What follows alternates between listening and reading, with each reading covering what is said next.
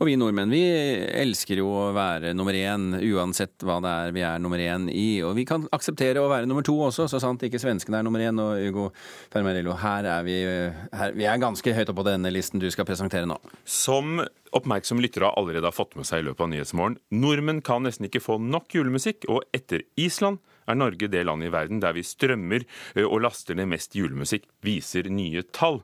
Det er ikke bare oppspinn. En av de artistene vi hører aller mest på, er Kurt Nilsen. Du, altså, tror, tror, du at du kunne spilt sånn som dette her? Sånn Kurt Nilsen og bandet tar den siste finpussen før konsert på hjemmebane i Grieghallen. Hver desember i sju år har han reist på juleturné. Den ene julesangen hans er blitt en moderne klassiker, og er den tredje mest populære sangen hos strømmetjenesten Spotify. Himmel på jord, når du så stor Jeg syns det er veldig gøy å kunne komme for her til Grieghallen og spille året etter år. Det er jo noe, det gir jo et lite kick. Det gjør det. Og um, det virker som folk er veldig glad i julemusikk. De får det bare den ene måneden i året. sånn. Da er det liksom elleve måneder til neste gang. Så, da, så, det er jo en ting som ikke vil på en måte forsvinne, tror jeg, for folk. Det er noe vakkert over det. Og nordmenn vil ha mengder av julemusikk når det først står på. Nye tall fra Spotify viser at nordmenn lytter aller mest på julemusikk, bare slått av Island. Da er Europa, Amerika, Australia og en rekke land i Asia med i konkurransen. Folk i litt tidlig julestemning i Oslo lar seg ikke overraske av hungeren etter den tradisjonelle musikken. At islendingen eh, vinner på den, det, ja, det er rart. Da må vi høre på mer, da. Ja. Ja. Jeg får så julefølelse av å se for meg sånn snøfylte netter og julemiddag og alt sånt. Det skaper veldig god stemning. Du hører jo på julemusikk nesten hver kveld allerede. Ja, vi har tjuvstarta litt nå. Det er så mørkt og trist at vi trenger noe å glede oss med. Så vi sitter der hjemme alene i mørket. Hva er favorittjulelåten? Last Christmas av hvem? War is over if you want it. Home for Christmas er iallfall topp tre. I hvert fall topp for Christmas. Let me go home this year. I wanna go home. Og Maria Mena er inne på topp tre, faktisk på en andreplass foran Kurt Nilsen.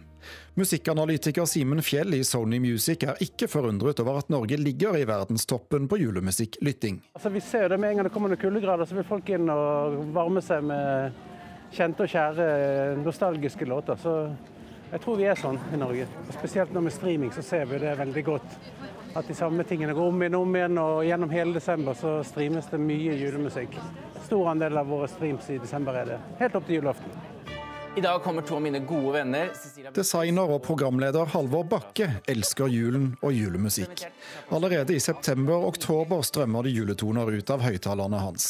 Jeg begynner fryktelig tidlig eh, og syns det er veldig veldig hyggelig med julemusikk. Men så stopper jeg i romjulen.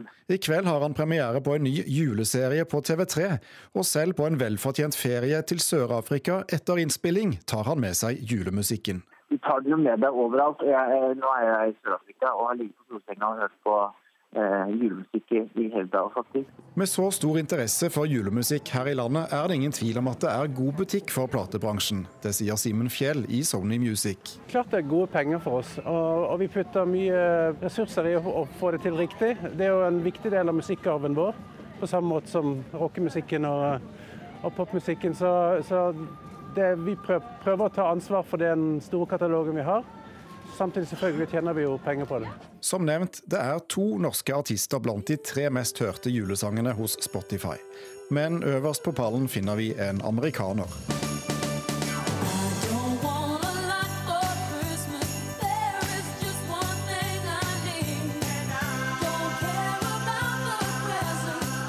Og det er altså Mariah Carey, reporter Thomas Alverstein Ove. Think this is about money. It's about power. Power. Business. Terror. Fra traileren til Ridley Scotts neste film 'All the Money in the World'. Og her er det blitt noen forandringer på rollelisten, kulturreporter Tone Staude. Ja, filmen eh, som bygger på den sanne historien om bortføringen av barnebarnet til oljemagnaten J. Paul Getty i 1973, har fått en ny hovedrolleinnehaver. Den Oscar-vinnende Kevin Spacey, som skulle spille den hardhjertede bestefaren, er byttet ut med Christopher Plummer. Og det har jo som kjent sammenheng med at Spacey er anklaget for seksuelle overgrep og, øh, og absolutt ukultur fra sin tid som teatersjef bl.a. i London i kjølvannet av metoo-kampanjen. Ja, Ridley Scott eh, tok en avgjørelse. Han ville ikke at disse anklagene mot Spacey skulle forstyrre filmopplevelsen, at folk bare satt og tenkte på han hele tiden. Så alle scenene med Kevin Spacey er filmet på nytt, med Christopher Plummer i eh, rollen. Og i går ble traileren sluppet, hvor vi allerede kan se og høre ham. have the money to spare. No one has ever been richer than you are at this moment. What would it take for you to feel secure? More. Så vidt hører om det var Plummer der i, i rollen som øh, J. Paul Getty. Det morsomme er at på noen norske sider så finnes fortsatt den gamle traileren med Kevin Spacey i hovedrollen, så vi får skynde oss å, å, å sammenligne da, før de sikkert blir fjernet. Og så er det 80-årsdagen til Ridley Scott i dag. Jeg bare tenkte jeg skulle nevne det. Kampen om kinogjengerne, det handler fortsatt om film her, når nye høyder.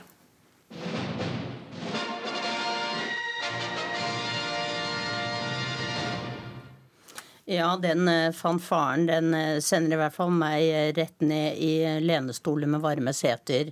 God plass til bena, et lite glass vin ved siden av kanskje. Definitivt ikke popkorn.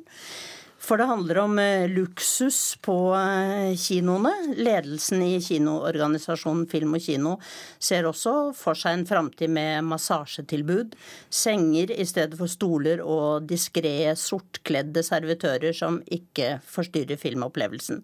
Og luksusen kan allerede oppleves på kinoer i utlandet.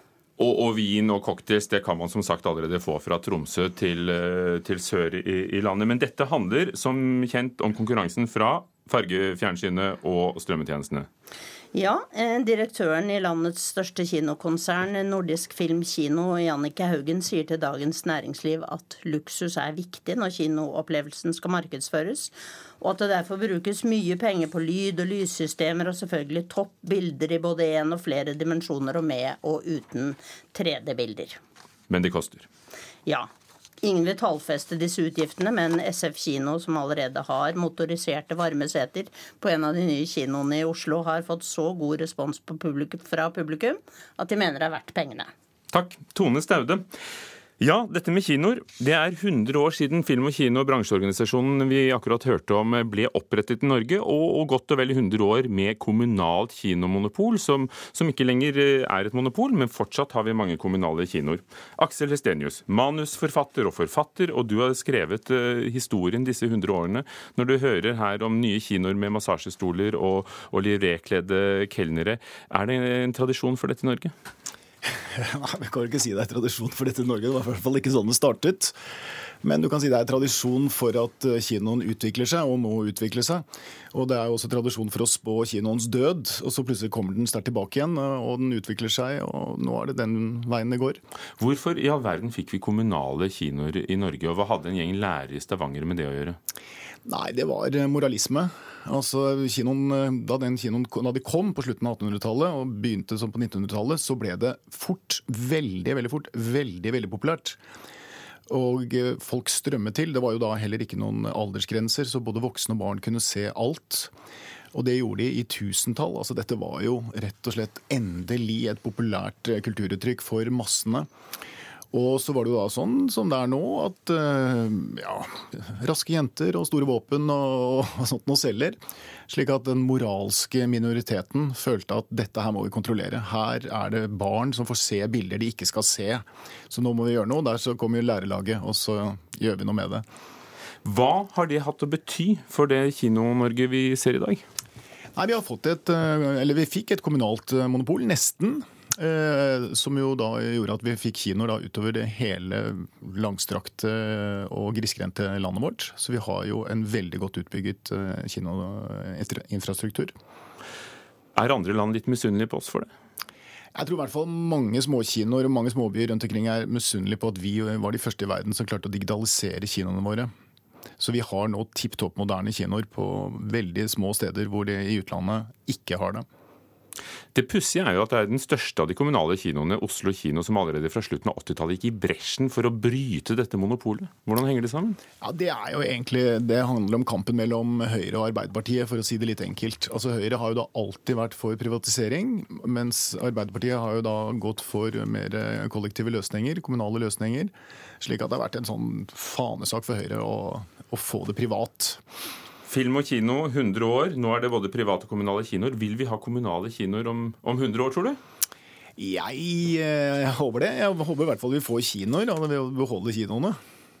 Takk, Aksel Estenius, som har skrevet Film og kinos 100-års jubileumsbok. Det skal handle om ukens premierefilm 'City of Ghost', Raqqa. Vår filmkritiker Birger Vestmo sier den er sterk og viktig. في تهديد حاليا ضدي موجود على وسائل التواصل الاجتماعي den syriske borgerkrigen er bakteppet for den sterke dokumentarfilmen City of Ghosts, Raqqa. Den skildrer en gruppe unge menns kamp mot IS, som ikke utkjempes med konvensjonelle våpen, men via sosiale medier for å fortelle omverdenen om IS sine herjinger. I oktober ble IS riktignok nedkjempa og drevet ut av byen, men da denne dokumentaren ble laga, var beleiringa i høyeste grad pågående. Filmen viser effektivt hvilke ufattelige kostnader kampen mot IS innebar for medlemmene i Raqqa is being slaughtered silently. The men and women Raqqa is being slaughtered silently are real journalistic heroes. Filmen starter med å vise representanter fra aksjonsgruppa på vei til en stor presseprisutdeling i New York. Allerede der blir vi fortalt hvilken slagkraft de har, og hvor stor oppsikt arbeidet deres har vakt. Så tas vi med tilbake til den lykkelige tida før helvete brøt løs. Medlemmene forteller hvordan de var vanlige ungdommer som studerte, festa og leika. De forteller hvordan IS inntok Raqqa i kjølvannet av opprøret mot Assad-regimet, og hvordan de begynte å dokumentere det som skjedde på Facebook, YouTube, Twitter og egne nettsider. Vi ser òg hvordan de må rømme til Europa for å kunne fortsette det journalistiske arbeidet, men det skal vise seg at heller ikke her er de helt trygge. الفريق الأساسي هو الفريق الأول الموجود بالمدينة الفريق الموجود بالمدينة هم حاليا 17 شخص City of Ghosts Raqqa viser med all tydelighet den brutaliteten som IS-invasjonen innebar. Samtidig får man en følelse av at man blir spart for det verste. Dokumentaren inneholder riktignok bilder av henrettelser, men et kjapt søk på RBSS sin Facebook-side avdekker langt mer brutale videoklipp enn det regissør Matthew Heineman har valgt å ha med her. Det er likevel fullt mulig å forstå konsekvensene det her farlige arbeidet har fått for medlemmene. إصداراتها الضخمة تستخدم تأثيرات هوليودية تنافس الأفلام الكبيرة بميزانيات عالية City of Ghosts Raqqa viser effektivt den håpløse brutaliteten i den syriske borgerkrigen og den beundringsverdige kampviljen hos geriljajournalistene i Raqqa is being slaughtered silently, til tross for enorme menneskelige kostnader. Filmen er derfor like sterk som den er viktig. أيا كان الفيديو تقريبا الإفكتات هي نفسها أو الاحترافية هي نفس الاحترافية لجذب المناصرين له og filmen har premiere i morgen på kinoer, anmelder Birger Vestmo.